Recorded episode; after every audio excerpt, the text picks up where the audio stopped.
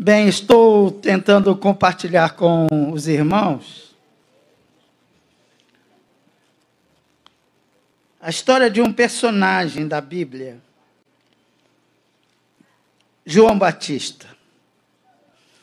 É, no domingo passado, eu tentei compartilhar com vocês a afirmação profética de João Batista. A afirmação profética de João Batista é porque ele já, antes da, do sacrifício de Jesus, ele já havia dito é, que Jesus é o Cordeiro de Deus que tira o pecado do mundo. Pode ser que você não tenha guardado nada da mensagem, mas você repetiu várias vezes: Jesus é o Cordeiro de Deus que tira o pecado do mundo. E eu, eu tenho, como falei aqui, é, eu tenho mania de, de pensar rabiscando, desenhando. E eu até pensei em desenhar aqui, mas a minha esposa falou para eu ficar quieto, me comportar, e ela não veio. Eu ia aproveitar, mas eu não vou fazer isso não. Pode ser que ela assista pela internet. É, semana passada eu tentei colocar que Jesus é o Cordeiro de Deus e pontuei de forma discreta o que o que eu vou compartilhar com os irmãos, ah, todos os títulos relacionados a Jesus como Cordeiro de Deus começavam com a letra S. Eu não deixei isso muito claro para vocês, mas o Cordeiro é substituto, o Cordeiro é o sacrifício, o Cordeiro é suficiente, o Cordeiro é o Salvador. Ah, já que não deixei isso claro semana passada, achei que eu devia fazer isso, porque hoje eu vou falar tudo com a letra A. Isso não é coisa de gente normal, mas eu gosto de pensar em, de forma diferente, né? E eu queria que você abrisse sua Bíblia em Lucas, no capítulo 3. Quando eu decidi, logo no começo do ano, o pastor confirmou que ele ia tirar férias mesmo em fevereiro. E eu sou folgado. Eu falei, pastor, o senhor vai tirar mesmo férias? Ele falou, vou tirar férias. Eu falei, é na semana do seu aniversário? Ele, como sempre. Aí eu falei para ele, eu já sei sobre o que é que eu vou comentar com a igreja. Aí ele falou, não, não preciso saber. Eu falei, eu quero que o senhor saiba. E aí eu passei o tema das mensagens para o pastor. E ele, muito elegante, como sempre, ele fala assim: Ah, Deus te abençoe, aquela coisa assim. Vai, vai, vai com Deus, né? Esse tipo de coisa assim. Quando eu fiz essa separação de pensar em João Batista, é, foi porque esse João Batista tinha alguma coisa extraordinária. Os quatro evangelistas falam de João Batista. E a minha ideia era preparar quatro sermões, pensando em quatro dimensões diferentes de uma mesma personagem, de João Batista. Naquela época, o texto, o texto que eu havia escolhido era o texto de Marcos, porque semana passada eu li o texto de João. Na próxima semana, eu, se Deus quiser, eu vou ler o texto de Lucas. Mas quando você começa a pensar na expressão, você vai ler os textos correlatos, os textos paralelos. E essa semana eu me senti muito, muito, muito incomodado e mudei, não o tema, não os tópicos, mas mudei o texto porque eu acho que o texto de Lucas é muito específico. Lucas capítulo 3, versículo 8. Bem, semana passada eu disse que era a palavra profética do, de João Batista, quando ele diz ele é o Cordeiro de Deus que tira o pecado do mundo. Mas o Batista era um pregador. E hoje eu quero pensar com você na mensagem do pregador. Porque todo pregador tem uma mensagem, um jeito, né? Todo pregador se expressa de uma forma e se os irmãos prestarem atenção, o pregador tem uma linha de raciocínio. É, isso aí já é para os mais exigentes. Se você prestar atenção na, na linha de mensagem, por exemplo, do pastor Novaes, isso é uma leitura minha. Posso, pode ser que eu esteja errado. Quase todas as mensagens do pastor, elas giram em torno da ética da pessoa, de como a pessoa deve se comportar, de como a pessoa deve agir. Porque é isso que o, que o incomoda. Então, ela, ele deixa passar. Pelo menos nas minhas anotações, eu sempre percebo isso. Tem alguns pregadores que são excelentes pregadores, mas são meio depressivos. Tem gente que eu gosto muito de ouvir, mas sempre que eu ouço eu me sinto para baixo. Eu me sinto pecador, daqueles mais miseráveis do mundo. E tem uns pregadores que eu sinto nada, é, não gosto nem de ouvir. Mas tem fama. Eu não sei, eu não prego sempre, então eu não sei qual é a, a linha de raciocínio que eu sigo, mas eu sei a do João Batista. A mensagem de João Batista, se eu fosse resumir, numa palavra, e é a mesma palavra que aparece nos quatro evangelhos, é arrependam-se. Você pode procurar Mateus, Marcos, Lucas, João. A mensagem do, do pregador era: arrependam-se, porque o reino dos céus está chegando. E eu escolhi o texto de Lucas, porque ele vai falar mais do que isso. Se você não prestar atenção em nada do que eu disser e guardar o texto de Lucas, estou feliz. Lucas capítulo 3, versículo 8, diz assim: Produzi, pois, frutos dignos do arrependimento, e não comeceis a dizer entre vós mesmos: Temos por pai Abraão, porque eu vos afirmo, afirmo que dessas pedras Deus pode suscitar filhos a Abraão. Vou ler de novo. Vou ler naquela versão lá. Deem frutos que mostrem o arrependimento. Olha que coisa linda. Essa é a NVI. Deem frutos que mostrem o arrependimento. Vamos falar juntos? Deem frutos que mostrem o arrependimento. E não comecem a dizer entre si mesmos: Abraão é nosso pai. Pois eu lhes digo, disse João Batista, que dessas pedras Deus pode fazer surgir filhos a Abraão. Olhe comigo. Senhor, tem misericórdia de nós. Senhor, fala aos nossos corações. Me ajuda a ser fiel à tua palavra. Eu te peço em nome de Jesus. Amém. Bem, arrependimento. Arrependimento é uma palavra que, na verdade, é uma tradução da palavra Metanoia. Você já ouviu falar disso? Metanoia. E aí eu fiquei pensando, metanoia, que nome esquisito. Coisa de grego, né? Metanoia. Aí eu comecei a pensar nas palavras parecidas com metanoia. Você lembra de quê? Eu me lembro de metáfora. Eu me lembro de meta. Noia também é uma coisa que a gente lembra, né? Metanoia é. Noia, o cara assim meio. meio noia. Assim. Metanoia é exatamente isso, é a junta. É a junção de duas palavras. De meta e de noia. Noia é de mente e meta além da mente. Para cima da mente ah, quando você quando você pensa em coisas além, você pensa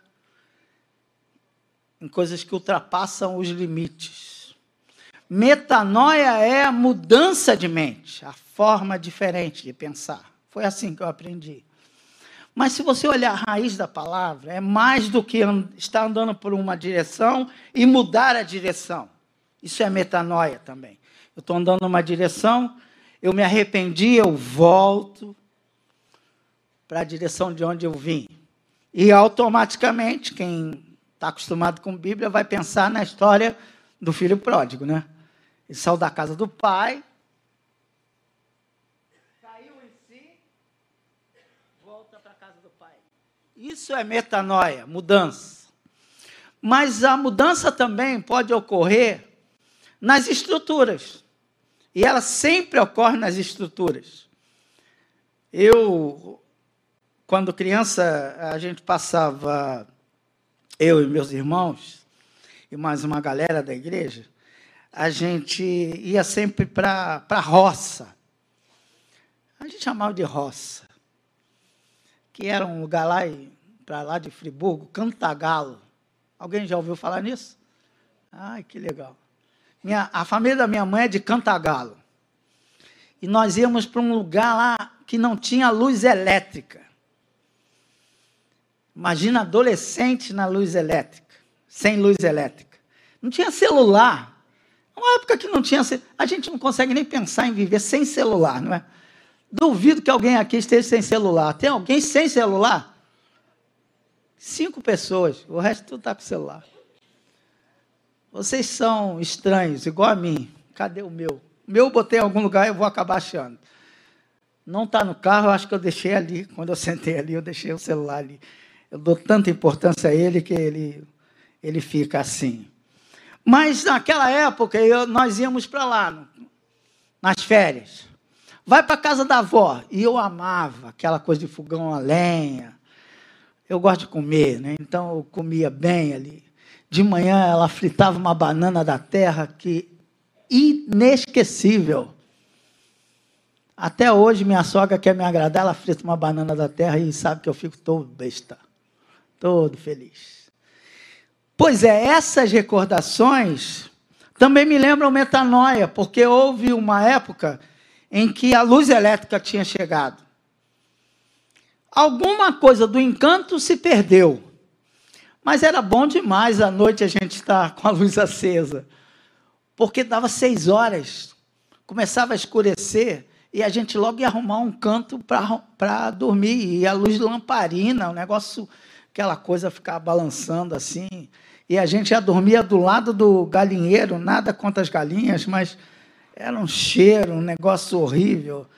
E, e é isso, metanoia então é mudança. Mas eu me lembro que meu tio teve um trabalhão para puxar a luz que passava na rua para dentro da casa dele. E depois mudar todo o sistema da casa, que era de lamparina e agora tinha que ter tomada. E a gente estava lá, colocando o cano, ajeitando o cano, porque ele tinha que cortar a parede para esconder o cano na parede. Metanoia é essa mudança que ocorre. Essa mudança em que você chega para o adolescente e fala assim: como é que eu mexo nesse negócio aqui? Você tem que mudar. E olha que coisa interessante, que o evangelho é essa mudança. O evangelho se faz com mudança. E aí eu vou de novo voltar no tempo. Houve uma época em que as pessoas davam testemunho. Eu não chamava de testemunho, eu chamava de testemunho. Porque era assim: eu era isso, eu fazia aquilo, eu fazia aquilo outro. Era uma tristeza a vida da pessoa. E eu, criado na igreja, sentado ali, nunca tinha acontecido isso comigo. Eu falei: meu Deus do céu, vou ter que sair da igreja um dia para viver essa mudança radical. Eu bebi, eu vivia isso, eu era drogado. Quem foi sexta-feira no, no Noite Serenas deve ter ouvido histórias do arco da velha, como dizia minha avó. Eu não tenho grandes histórias assim. E às vezes eu ficava incomodado, sabia? Ficava mesmo. Assim, Jesus, que mudança admirável ocorreu em meu ser. Não sei. Mas houve uma hora que a mudança aconteceu. Não é uma questão de conhecimento. Eu sei, e a gente tem ouvido falar todo domingo aqui sobre graça de Deus, não é? Todo mundo já ouviu falar. O pastor fala de ética e graça, sempre esbarra na graça de Deus. Uma coisa é eu ter consciência da graça. A outra coisa é eu experimentar a graça. Tem gente que é membro da igreja e não aceitou a Cristo, porque para aceitar a Cristo tem que ter mudança. O que Paulo diz lá, Quem roubava não rouba mais, amigo. Quem furtava, trabalha. Olha que coisa radical. O cara tira, agora não, eu com o meu esforço vou trabalhar e vou fazer as coisas. Não há, não há, desculpem, mas não há conversão sem mudança. Se você é motorista, você sabe disso. Converter à direita, você tem que virar. Não dá para você falar que é cristão. Aliás, dá, né? Você pode falar que é cristão e só pertencer a uma igreja. Mas para ser cristão, você tem que ser parecido com Cristo. E isso é assustador. Por isso João Batista falou: arrependam-se. Se você olhar no texto de Lucas, quando ele fala assim: deem frutos que justifiquem que você se arrependeu. Não dá para você vir aqui todo domingo, aceita Jesus como Salvador e continua com a mesma vidinha. Não dá. Isso não é conversão. Você está convencido. Convertido, não. Porque quando eu me converto, eu mudo. É metanoia, é mudança. Não importa se você foi educado na igreja, se você foi criado na igreja. Há uma hora que tem que acontecer a mudança. A minha aconteceu depois de eu ser batizado. Eu era membro da igreja, ia para a igreja todo domingo. Mas um dia eu aceitei Jesus. E na escola as pessoas descobriram que eu tinha aceito a Jesus. Porque era uma coisa na igreja, mas na escola eu era outra pessoa. E na escola, no dia que eu falei assim, não, eu aceitei a Jesus, é como se eu tivesse aceitado ontem, mas já tinha anos que eu tinha sido batizado. Tem uma hora que há uma mudança. Mas vamos tentar entender, se é que eu vou conseguir explicar, também, se eu não conseguir, eu estou pedindo a Deus, mas já faz tempo que eu estou pedindo a Deus para o Espírito falar para vocês. Porque para mim já falou, mas às vezes eu não consigo transmitir. A primeira coisa que eu quero pontuar com você, e tudo com a letra A de arrependimento, para que haja arrependimento é necessário que a gente admita. A gente precisa admitir que é pecador a gente precisa admitir que está errado. A gente precisa admitir, como filho pródigo, que olha, a casa do meu pai é que era bom. A gente precisa admitir que o que ensinaram para a gente quando a gente era criança, na escola dominical, na EBF, é verdade. A gente precisa admitir. Tem uma hora que a gente tem que admitir. Fala assim: eu errei.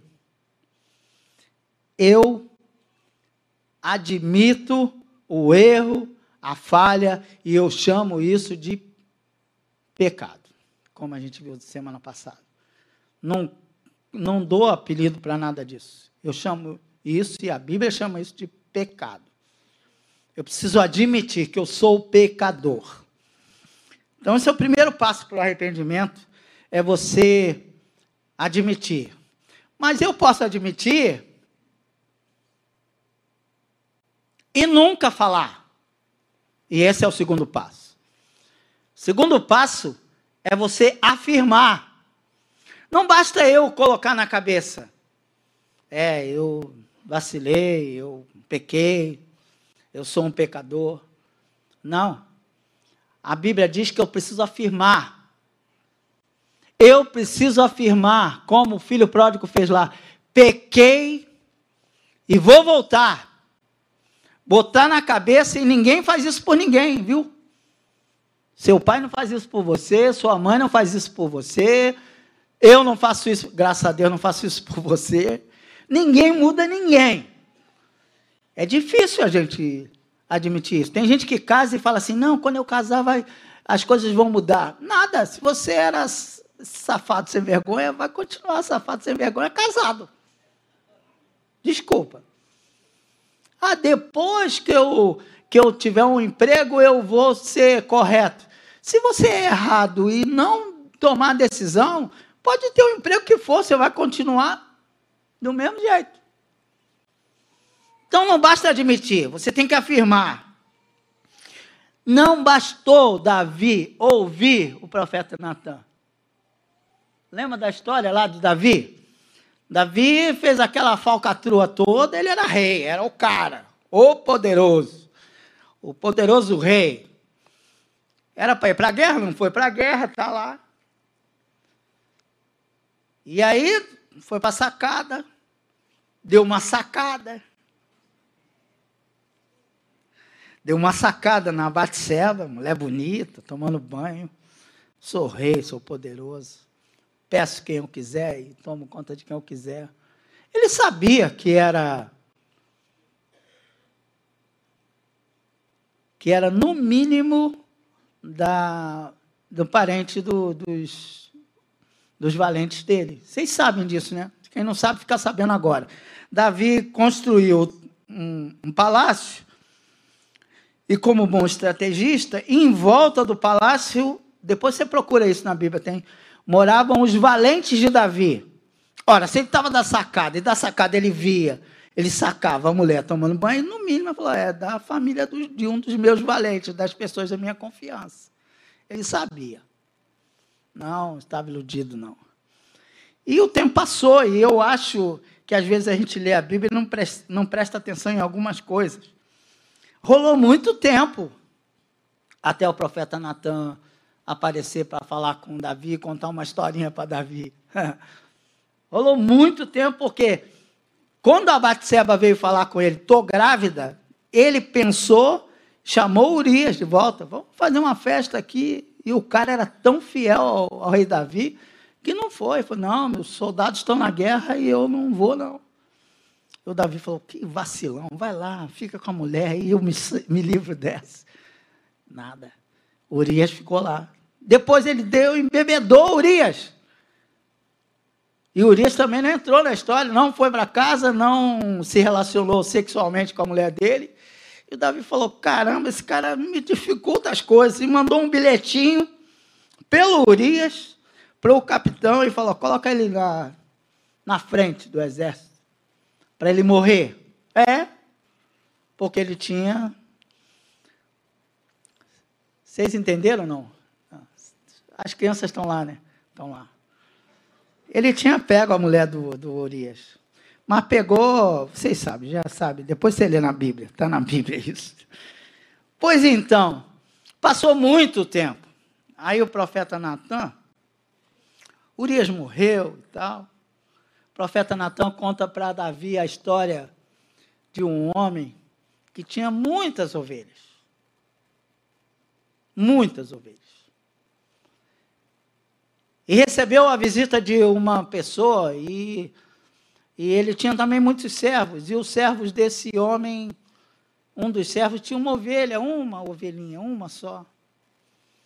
Mas quando esse servo recebeu seu amigo, esse poderoso recebeu seu amigo, que era dono, esse cara que era dono de muitas ovelhas, a história é mais ou menos assim, é, ele pega a ovelha, aquela única ovelha, e sacrifica para fazer um churrasco para o seu amigo.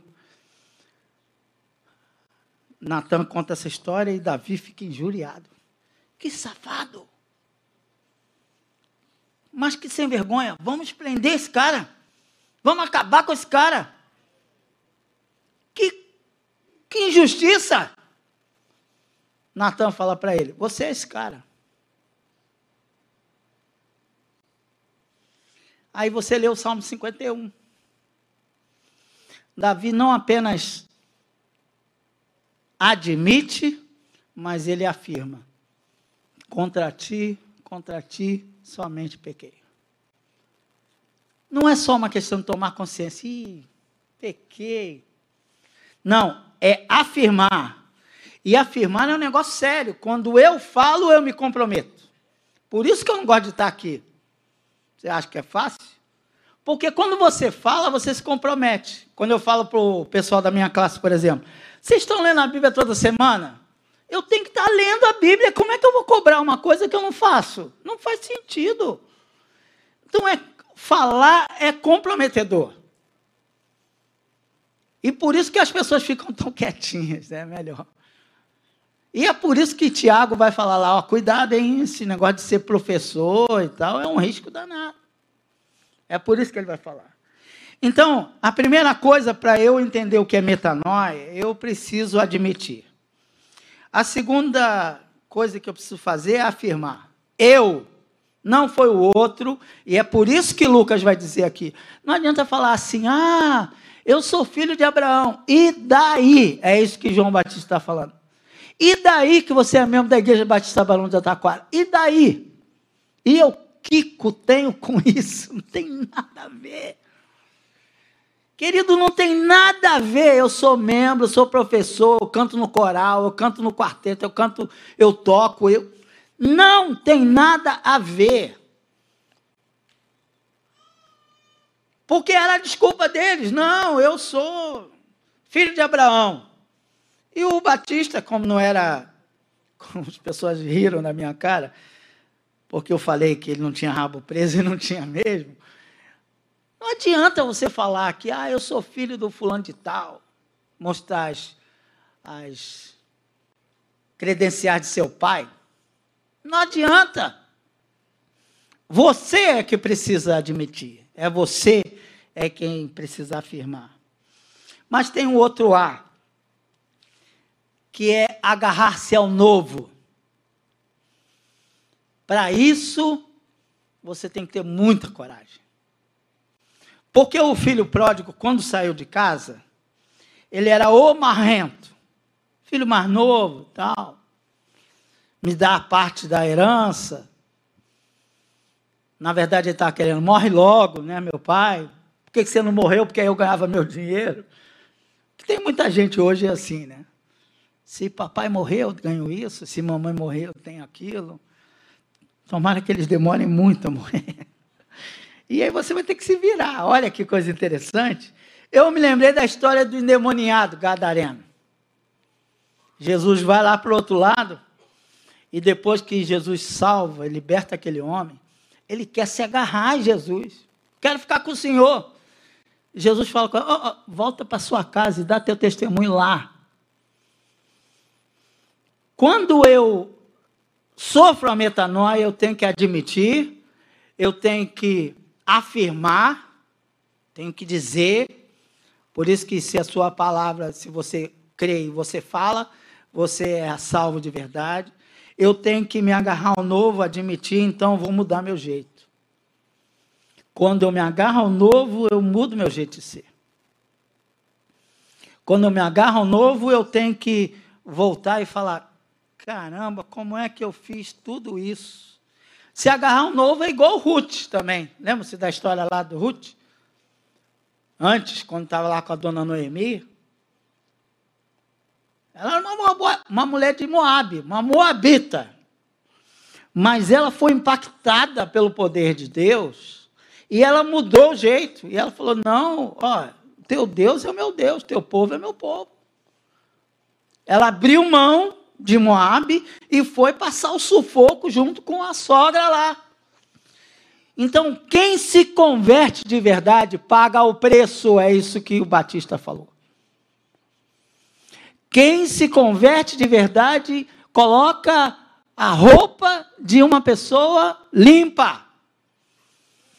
E isso é incrível. Porque a pessoa que fazia uma coisa vai fazer outra completamente diferente. É aquela coisa de antes eu era assim, agora eu sou de outro jeito. Antes eu era essa pessoa feia aqui, que eu não tomava banho, não dava valor nenhum a isso. Agora eu me penteio de manhã, eu tomo um banho, eu me arrumo. Quem foi para Noite Serenas, eu não tenho dúvida disso. Que olhou gente lá que fala assim: meu Deus, que pessoa bonita, que estado feio. Dizem que deixa para lá, ia falar uma história de mulher, mulher, tem mulher feia não, tem mulher mal cuidada. É, dizem isso, né? Mas é tão bom quando você vê a pessoa bem cuidada, bem afeiçoada. O Evangelho faz isso.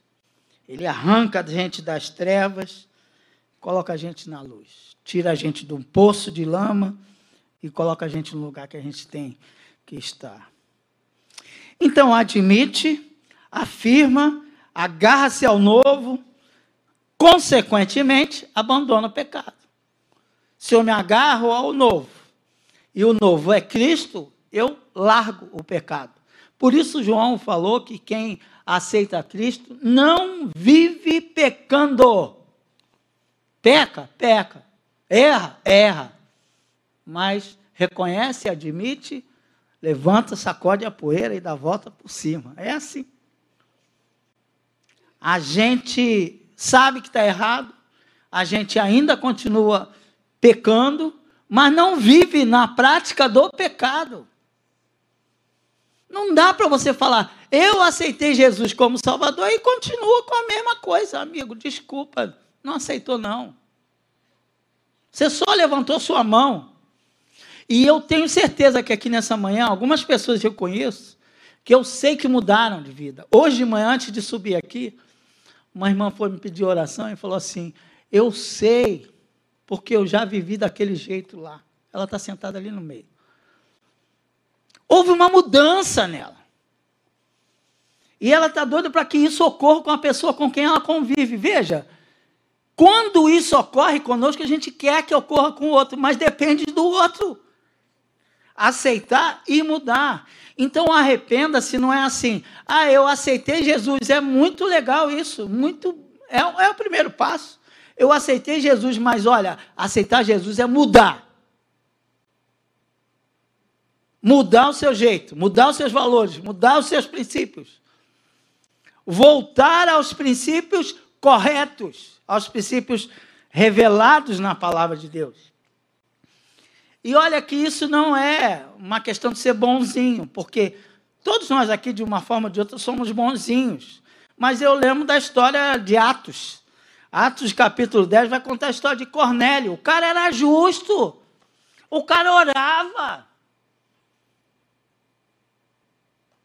E é muito interessante que quando Pedro chegou lá, falou: ah, você precisa se arrepender, conhecer a Jesus. E ele e a casa dele foram salvos porque aceitaram Jesus e mudou o jeito. Lembram-se da história de Zaqueu? Como é que foi a história de Zaqueu? Jesus viu o cara lá pendurado, ele queria ver Jesus e mal sabia ele que Jesus já estava procurando ele há muito tempo. Desce depressa, vou na sua casa. E foi jantar na casa do Zaqueu. E conversou com Zaqueu, bateu um papo com Zaqueu. Alguma coisa aconteceu naquela conversa. Não tem nenhum apelo.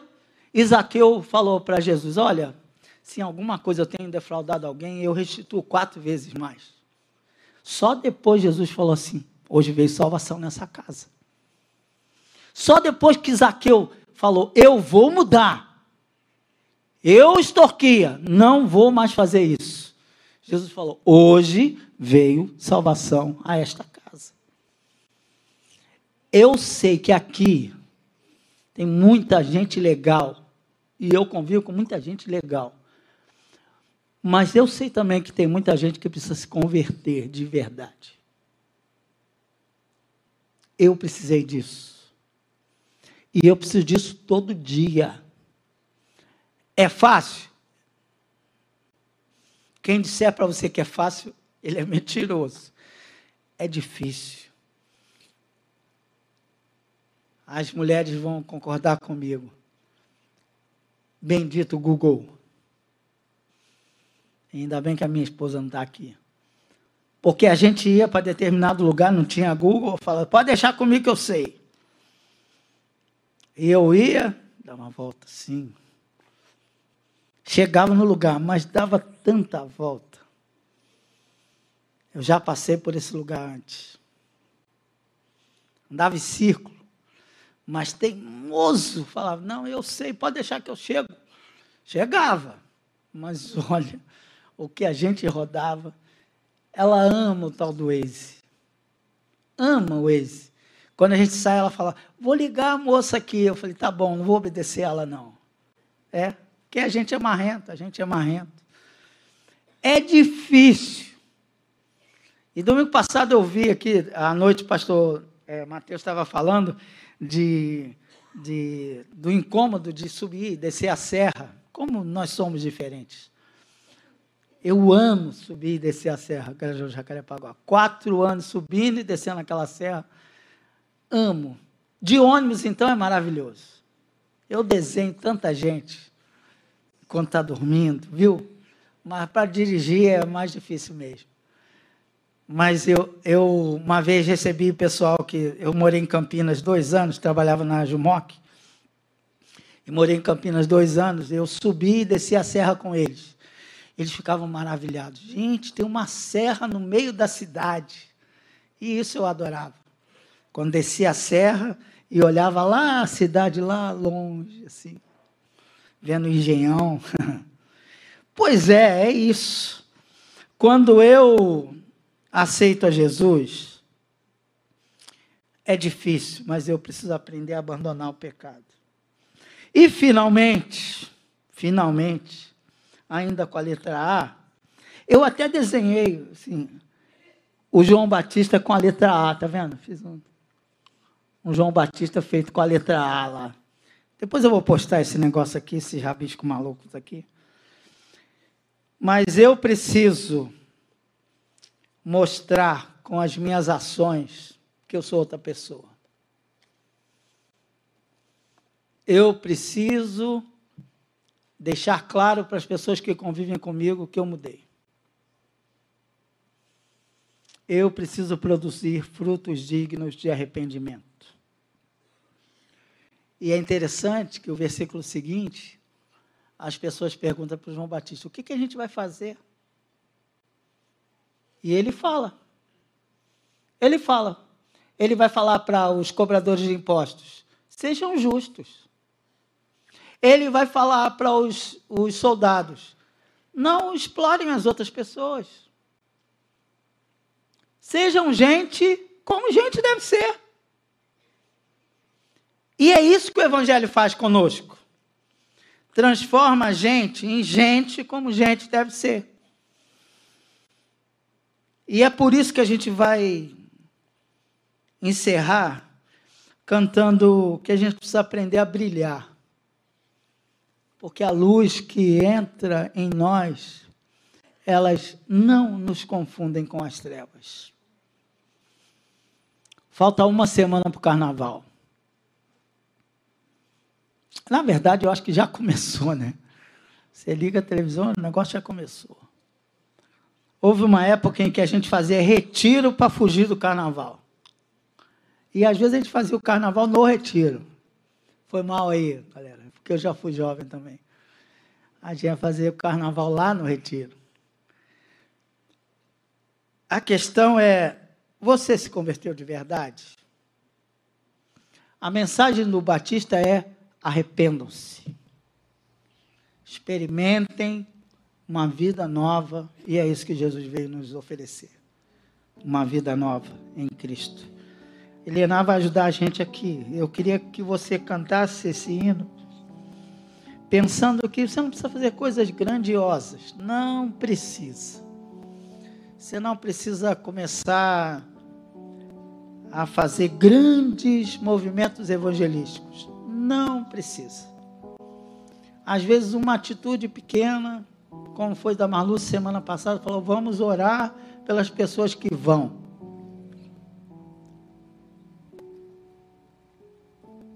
Brilha no meio do teu viver.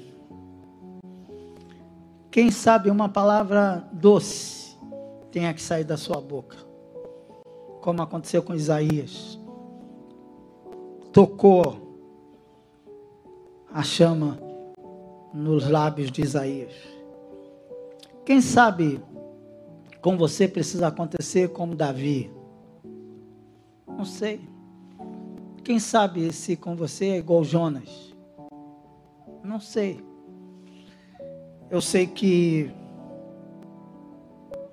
Deus nos chama ao arrependimento. Todos. Todos nós. E eu disse nos chama. Então, porque eu estou incluído nessa situação.